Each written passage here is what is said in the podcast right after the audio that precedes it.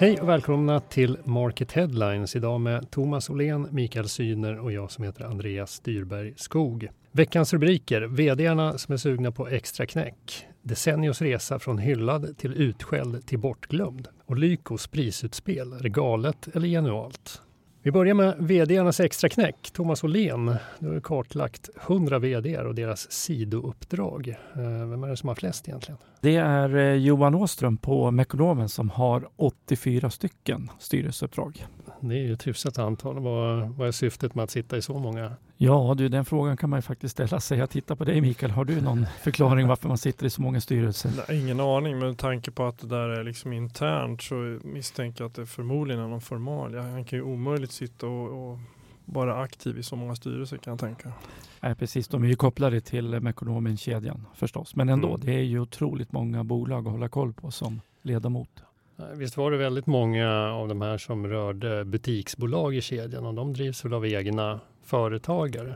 Man funderar ju verkligen vad, vad han kan tillföra i ett enskilt butikbolag om man liksom samtidigt sitter i 83 andra styrelser. Ja, det kan man ju verkligen fråga sig. Men det måste vara, som du var inne på, någon form av formalia att han i det här fallet att han då ska hålla koll på de här bolagen som representerar Mekonomen mm. lokalt. Men det är ungefär som om eh, ICA-gruppens VD Nina Jönsson skulle sitta i 1267 ICA-butiker. Det blir kanske lite mycket eller märkligt. Ja. Ja, tyvärr kan vi inte svara på frågan exakt vad det beror på eftersom eh, eh du fick väl inget svar när du ställde frågan till honom. Nej, jag skickade ett mejl om en intervju men eh, fick ingen återkoppling tyvärr. Det var vissa andra som ställde upp och kommenterade sina uppdrag. Vad, vad säger de om de som har många uppdrag? Nej, men jag pratade bland annat med eh, Per Svärdson superentreprenören som var med och startade Apotea för drygt tio år sedan och skakade om hela apotekshandeln. Han är ju oerhört eftertraktad förstås.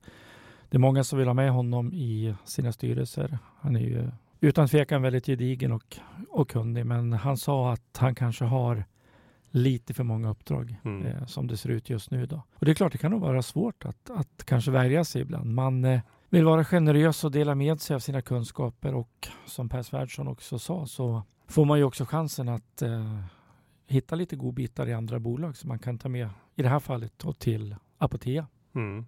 Ja, han var väl den enda som hade några funderingar kring antalet styrelseposter han satt på. Det kan man väl sammanfatta det som. Lars Ljungel på Bergendals har ju flera tunga uppdrag och mm. Han sa att så länge man är styrelseledamot och, och tillför någonting, då, då, tycker han att det var okej. Okay. Och han sa också att eh, han jobbar mycket, det är en form av livsstil. Andra spelar mm. golf och eh, jag lägger gärna tiden på styrelsearbetet. Mm. Och han tycker att det är två fördelar med det. Eh, dels får han input till familjeföretaget Bergendals, men också att han kan se de olika rollerna som VD för Bergendals och styrelseledamot i andra bolag. Mm. Så att han får en större förståelse. Mikael, du hade gjort en spaning på listan va?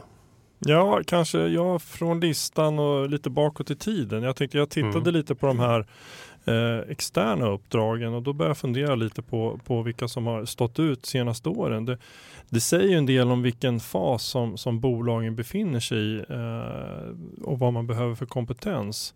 Mm. Ett bra exempel är tycker jag när Niklas Eriksson och eh, Jarno Vanatapio värvades till Intersports styrelse 2018.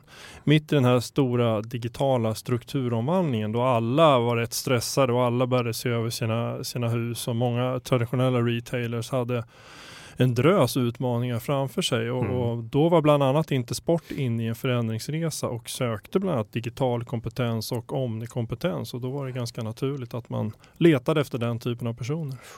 Prata lite om fördelarna. Vilka, vilka faror finns det egentligen med att eh, sitta på många stolar? Den främsta måste rimligen vara tiden, att tiden inte räcker till att mm. verkligen sätta sig in i ett bolag och det bolagets utmaningar, möjligheter etc. Utan att eh, det ser jag som den absolut största utmaningen. Hur sjutton ska man hinna med det? Plus sitt operativa uppdrag. Och Gustav Wörn sa ju i sammanställningen när han blev permanent vd för BHG Group så avsa han sig i princip allting externt. Mm. Men hans målbild är att man klarar av två stycken externa uppdrag. Sen hade han väldigt många så att säga, uppdrag inom sfären, men två mm. riktigt externa. Då.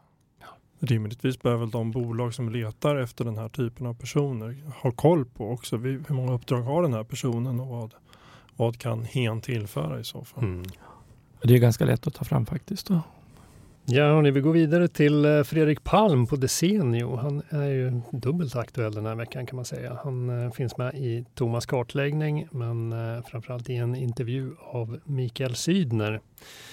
Och, Decenios intåg på börsen var väl bland det mest utskällda man sett i den här branschen. Hur har Fredrik och Desenio hämtat sig efter den persen?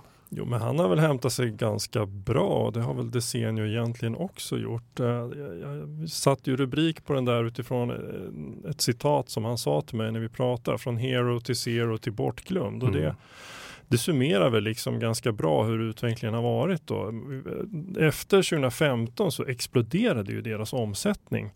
Eh, och bolaget eh, noterades i februari 2021 och då pratades det om den största börsintroduktionen någonsin inom e-handel i Norden. Samma år omsatte man nästan osannolika 1,2 miljarder kronor och affärerna blomstrade minst sagt och man tänkte bara vad kunde gå fel? Men som vanligt så är det någonting som går fel förr eller senare. Eh, och hyllningskören då, den tystnade ju när delårsrapporterna inte alls såg ut som man hade förväntat sig och det bör ganska snabbt pratas om aktien som en flopp, precis som du var inne på där mm. Andreas. Och, och, då gick man ju rätt snabbt från den här hero till zero och nu är man även bortglömd som Fredrik Palm säger till mig. Eh, från medierna är det inte alls samma intresse längre och inte heller från, från investerarna. Men, men Fredrik Palm tycker det är ganska bra för han kan i lugn och ro fokusera på att utveckla bolaget istället. Mm. Det är lite skönt med andra ord. Ja, det är lite skönt. Det är lite arbetsro ja. sådär. Eh, och sen är det ju, det blir mycket tyckanden och analyser och som noterat bolag så har man ju ögonen på sig hela tiden. Så att det här får man ju på något vis räkna med som, som börsbolag. Eh, sen kanske hyllningarna var lite väl starka i början, vilket mm. gav någon slags eh, effekt sen att när reaktionerna kom, att de blev desto hårdare istället. Ja, för man, man kan ju inte kalla dem ett krisbolag. Nej, långt ifrån. De har ju varit, jag tror jag, lönsamma alla kvartal utom ett. Mm. Ja, det säger ju också någonting. Men uh, nu uh, går vi in i lågkonjunktur. Vad tror eh, Fredrik Palm om Desennios möjligheter i en sån miljö? Jo, men han tror att de sitter i ett segment att de ändå klarar sig bra. Du, det är fortfarande någonting du kan unna dig för att uh, förnya ditt hem, fast det är en ganska rimlig peng. Mm. Men de har ju aldrig varit i en så kallad lågkonjunktur tidigare, så att det blir, Nej, det blir ett en, test för dem. Ännu en ny erfarenhet för ja. Desenio. Tittar man bara på förra årets siffra på rörelsemarginalen var det faktiskt 9,2 procent. Så att det är mm. ju det är inte direkt kast på något Nej. sätt. Nej, och det visar ju också vilket enormt fokus liksom, de har haft på sig kring just omsättningsutveckling och tillväxt sen mm. noterades. Det blir lite enögt ibland kan jag tycka. Ja, vi fortsätter dra paralleller till eh, Thomas kartläggning här. Eh, Rickard Lyko, han har eh, 15 olika uppdrag men eh, alla större uppdrag är inom Lyko-koncernen. Den här veckan är han aktuell för ett initiativ som fick eh, i alla fall mig att höja lite på ögonbrynen. För Lyko har ju börjat lägga ut eh, konkurrenternas priser på den egna sajten så att kunderna lätt kan jämföra. Vad säger vi om det? Är det galet eller genialt? Innovativt. Ja, jag tycker det är genialt om jag får välja någon av de två som du sa där. Varför? Nej, men jag tänker på att eh, om jag får backa lite så tycker jag liksom att de har varit väldigt mycket i gjort roliga saker. De har underhållande mm. sms-kampanjer. Eh, jag tänker på Rickard Lyk och sågning av kundklubbar på vårt egna event här tidigare. Mm. Eh, jag tycker liksom att, eh, och så det här då, jag tycker det är strålande. För oavsett om det här visar att deras pris är lägst eller inte på en viss produkt så så bygger det öppenhet. Den här öppenheten i sig bygger sympati och förtroende. Uh, infon finns ju där. Vad Lyko gör det är att de liksom underlättar för mig att få en bild av priserna. Ja, jag tror att det i längden ändå är, är mer plus än att man blir bortskrämd för att de inte är billigast på en viss vara.